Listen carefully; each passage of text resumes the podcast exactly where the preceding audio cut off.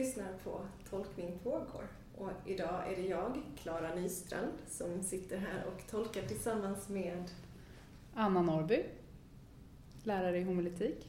Mm. Helena Ekhem, präst i Enskede Årsta församling i Stockholm. Ja, och vi ska prata om Lukas text. Anna? Mm. Det är Lukas 39 till 45, första kapitlet. Några dagar efteråt gav sig Maria iväg och skyndade till en stad i Juda bergsbygd. Hon gick till Sakarias hus och sökte upp Elisabet. När Elisabet hörde Marias hälsning sparkade barnet till i henne och hon fylldes av helig ande. Hon ropade med hög röst. Välsignad är du, mer än andra kvinnor, och välsignat det barn du bär inom dig. Hur kan det hända mig att min Herres mor kommer till mig? När mina öron hörde din hälsning sparkade barnet till i mig av fröjd. Salig hon som trodde, ty det som Herren har låtit säga henne ska gå i uppfyllelse. Mm. Tack. Jag tänkte börja med att fråga er om det är liksom någonting ni studsar till i. den här, eller studsar till över, eller något som skaver? Är det, är det någonting i den här texten som bråkar med er? Mm. Nej, alltså för mig var det faktiskt så att det, det första som jag eh, kom att tänka på, det var en, eh, alltså, en sån här, alltså, som en kollega hade, hon hade funderat över den här bibelpassagen. Och, och då så sa hon så här, hon bara, eh, ja men det här är ju en typisk berättelse om en ung kvinna som måste gömma sig. Alltså, hon såg en parallell med att eh, alltså alla berättelser som vi har om, om kvinnor som blir gravida och som måste, eh, måste dölja sin graviditet därför att den är skamfylld. Just det. Mm. Och det kände jag så här, ah, intressant. Så det, det är liksom, när jag fick höra att vi skulle tala om den här, det här bibelordet så var det det första jag tänkte på. Just det. Eh, det, det, tyckte jag var, för det, det är liksom det första jag ser i den här mm. berättelsen när jag läser den nu. Då blir ju mötet med Elisabet ännu starkare, alltså den bekräftelse som Maria får av Elisabet när hon kommer. Mm. Om hon nu kommer med, med skam eller, eller vad hennes känsla än är, mm. förvirring säkert total. Mm. Och så möter hon denna kloka kvinna eh, som, mm. som ser något. Mm. Ja, för nu blir jag då också osäker, för att bebådelsen har precis hänt, eller mm. Mm. mm. Det är bara några dagar efteråt, står det ju. Så att... ja. Men vad vet, vad vet vi om Josef i det här läget? Ingenting, va? Han har inte liksom... Eh, nej, det tror jag inte. Sagt varken bu eller bä.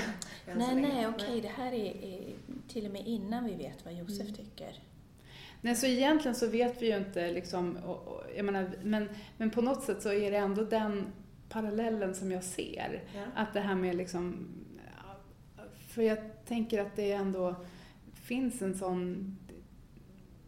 Det är ju inte ovanligt ändå. Alltså, även om det fanns i, i den berättelse som, som finns innan så är, finns det ju ändå stora stråk av förvirring. Liksom. Ja, vad ska hända nu?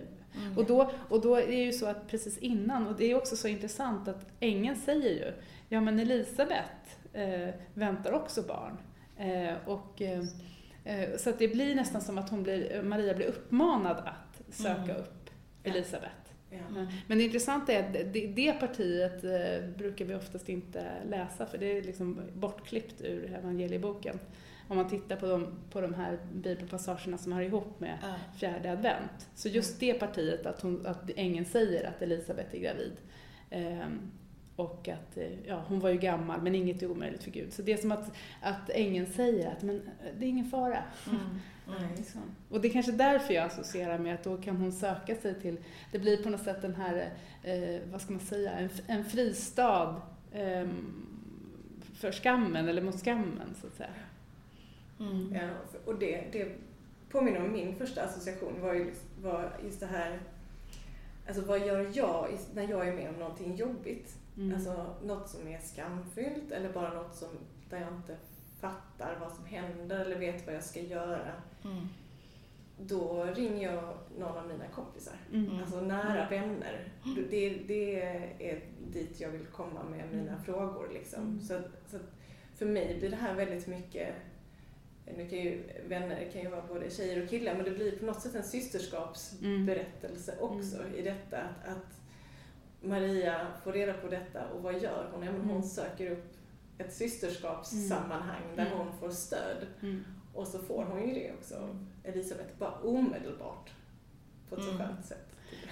Och, och jag tycker att det känns som att det finns någon slags, det de har gemensamt är den här djupa tacksamheten eh, som som finns där på något sätt. För att, eh, jag menar innan då när, när Elisabeth eh, har fått veta att hon ska få bli mamma, så, så då säger hon liksom att oh, Gud har sett mig och han har, eh, Gud har sett min skam och liksom befriat mig från den. Mm. Eh, och, eh, och sen så så har vi då, för sen fortsätter ju det här partiet då med Marias lovsång. Och det är då jag tänker att det, det som blir Elisabets roll är ju kanske att vända från, för Maria då, från total förvirring eh, till eh, att kunna stå i den här lovsången. För det har jag ofta frågat mig, vad är det som gör att hon så direkt kan liksom jubla? Mm. Det kan mm. inte varit så himla lätt för mm. Maria ju. Mm.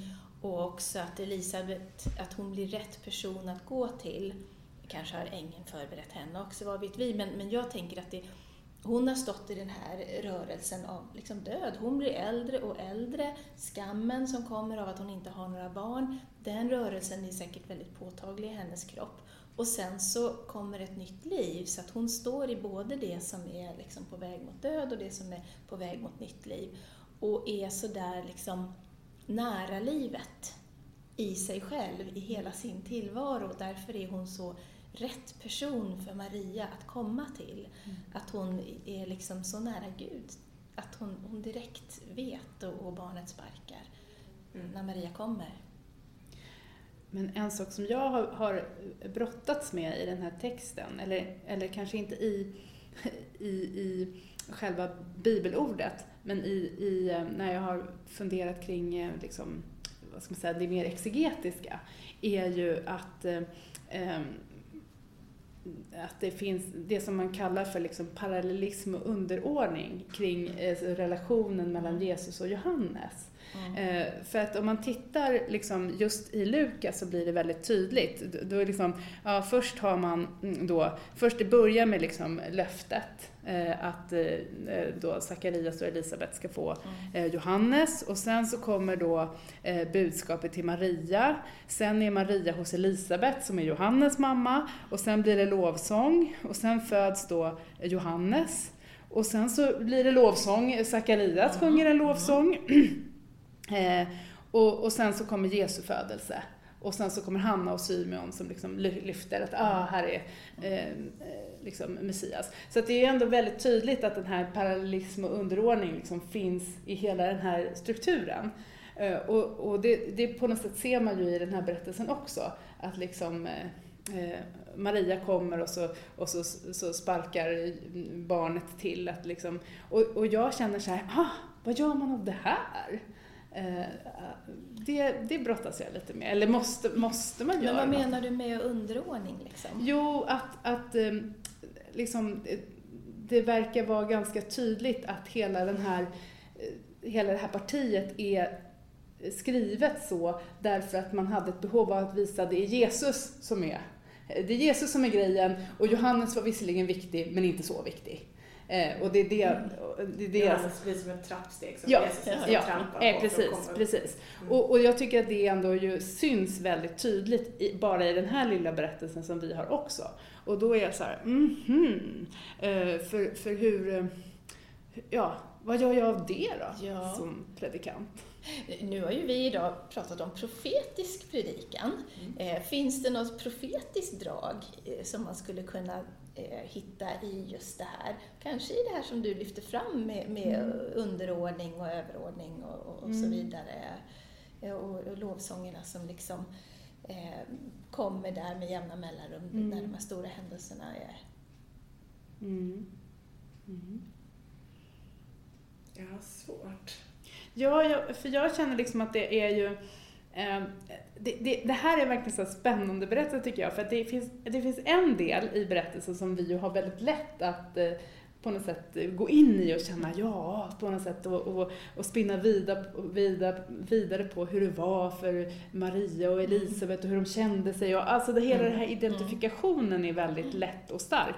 Och sen då om man så att säga tar ett steg tillbaka och ser om man tänker sig att det faktiskt finns en hel, en hel agenda här, att, eh, att de som skrev berättelserna hade liksom en väldigt tydlig eh, riktning mot att nu måste vi visa här vem det var som gällde och det var inte Johannes. Utan det var klart redan från början att till och med i magen var han beredd att underordna sig eh, Jesus. Liksom.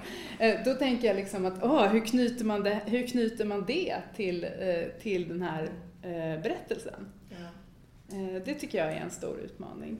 Ja.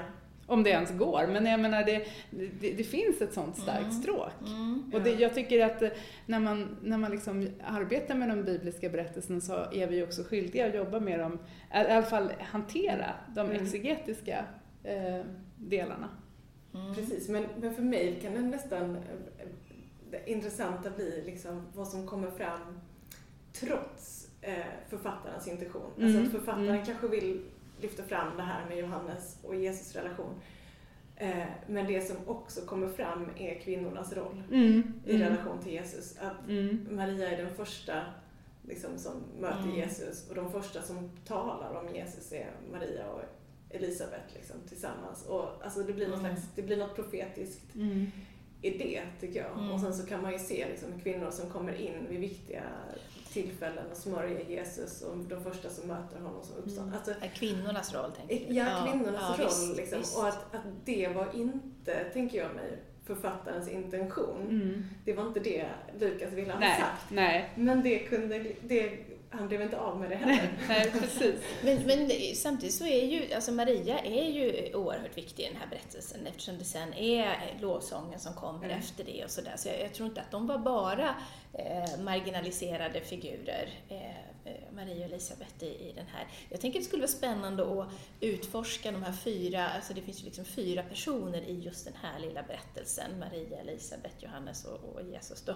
Mm. Att, att eh, de olika rösterna kring det här mötet mm. som sker, mm. och, där skulle man kunna ha någon liksom, jag vet inte profetiskt, men, men liksom ändå att, att det är, vad, vad, vad är vikten av mm. den här berättelsen för mm. det man vill säga? Vad betyder mm. den där sparken? Liksom? Mm. Handlar den om wow, jag upplever här välsignelsen som, som kommer eller är det en eh, framtida spark för viktiga saker?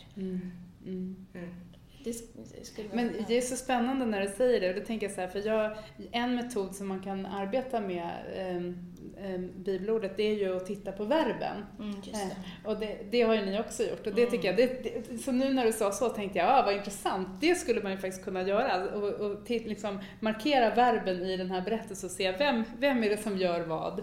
Mm. Och i, ibland får man ju syn på verkligen intressanta eh, mm, ting mm, när man gör det. Mm nu när du säger så så kommer jag att tänka på min favoritfråga till bibeltexter och det är vad gör Gud mm. i texten? Mm. Och jag menar, Gud är där i form av Jesus, men Jesus är inte jätteaktiv än. liksom, hur många timmar är det? Precis, hur många celler är Jesus idag?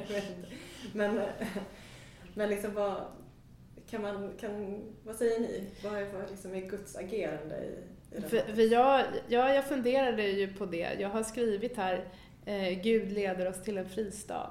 Ja. Eller mm. Gud låter oss inte stå där med skammen. Någon sån tanke ja, men precis, jag. Utifrån det här som du sa inledningsvis mm. med mm. Alltså den kvinnan, kvinnan som behöver beskydd. Att det är precis, hon, hon får en fristad. Och det är mm. liksom, ängen redan som har planterat de orden. Och sen tänkte jag också så här, för jag blev så berörd av eh, då när jag läste också eh, berättelsen om Elisabet och Sakarias. Liksom. Mm. För det är så otroligt starkt det här vad Elisabet säger. Liksom. Man kan förstå, men vi vet ju det, vilken skam det var att inte kunna att inte kunna få bli mor. Och liksom det är så starka ord som hon uttrycker där, Elisabet. Och då, då tänker jag så här att, att när känner vi som mest tacksamhet? Jo, men det är ju när skammen har blivit Eh, bortlyft från oss. Mm. För att ofta så är det ju så när man bara ser de här lovsångerna och så, så kan man ju ibland känna liksom att eh, nej men det, det, är svårt att ta tacksamhet så att säga rakt av. Mm. Den kan kännas liksom lite platt.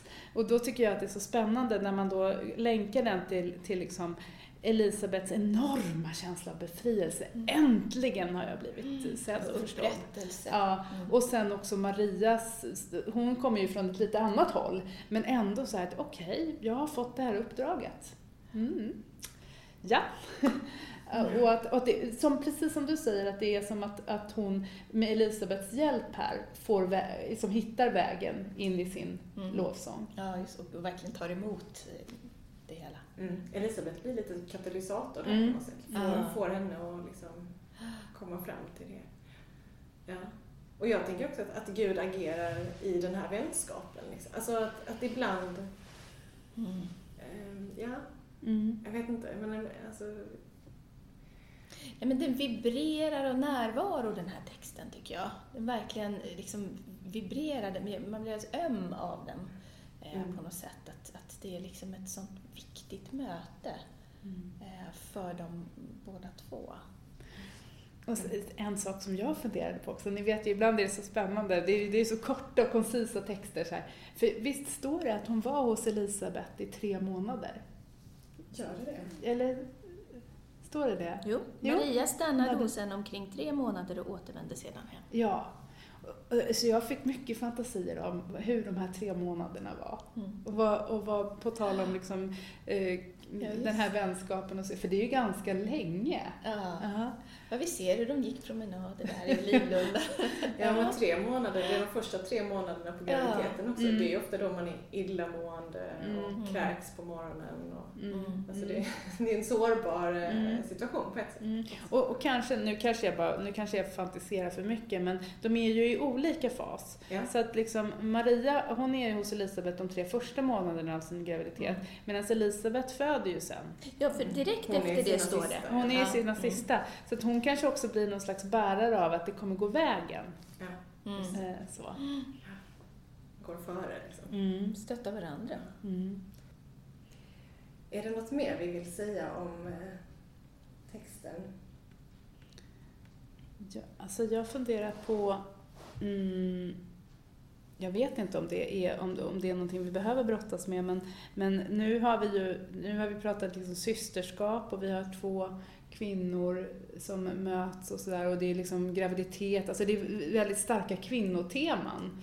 Mm. Eh, eh, ja, hur, hur öppnar vi den här, liksom, hur, hur öppnar vi det här till, till um, för alla? Ja, för alla mm. liksom. Mm. Ja. ja, men sparken i magen där är väl lite mer manligt. Mm. Ja, men överhuvudtaget att relatera till graviditet och, ja, och så. Ja, för det, ja, jag tänker det är lite, kanske lite större än att det bara är kvinnligt och manligt. Utan ja. jag tänker att eftersom det är ju ganska laddat ändå det här med, mm. med föräldraskap och, ja, Kunna och få barn och inte ja, få barn. Ja, men lite, lite så tänker jag. Så mm. Mm.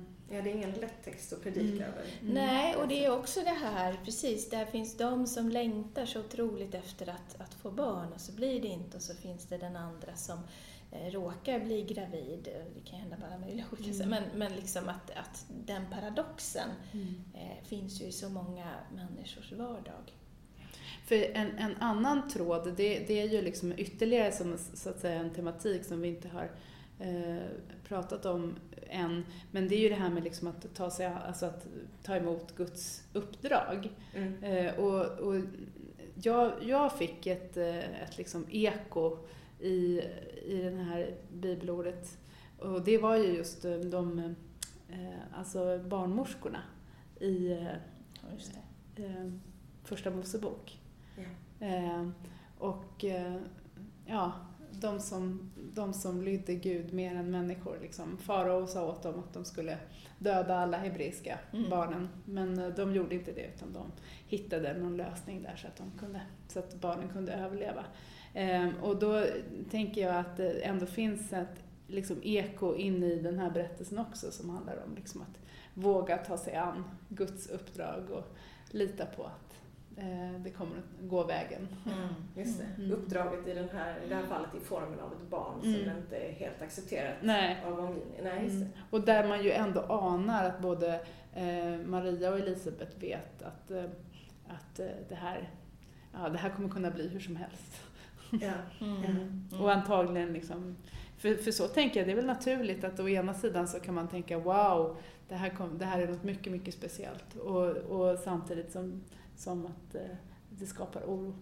Mm. Mm. Jag vet inte om jag ska slänga in en, en sista tråd. Jag hittade några rader av Ylva Eggehorn som hon skriver eh, apropå eh, Elisabeths situation kanske framför allt.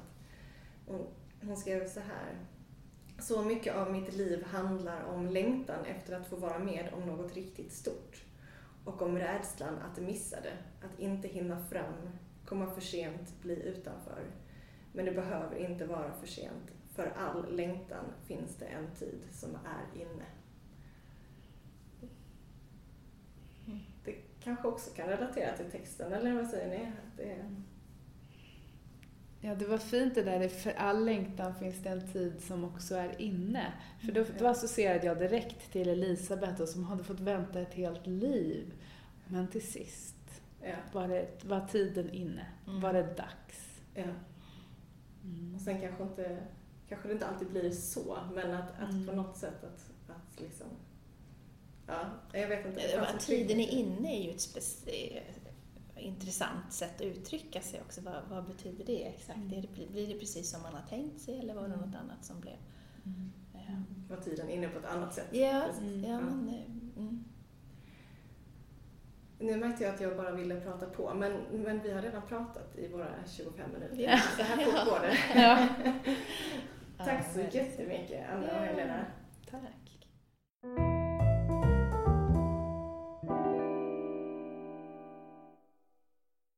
Du har lyssnat på Tolkning pågår, en teologipodd i samtalsform. För dig som vill fundera över livet och tron och för dig som vill få inspiration i predikoförberedelsen. Tack för att du har lyssnat. Och tack till alla er som gillar och delar våra avsnitt på Facebook och som på andra sätt berättar om den här podden för andra. Om du vill lyssna på fler avsnitt så finns vi där poddar finns och på vår hemsida som du hittar om du googlar Tolkning pågår. Och om du har tankar om podden så hör gärna av dig till oss på vår Facebook-sida. På återhörande.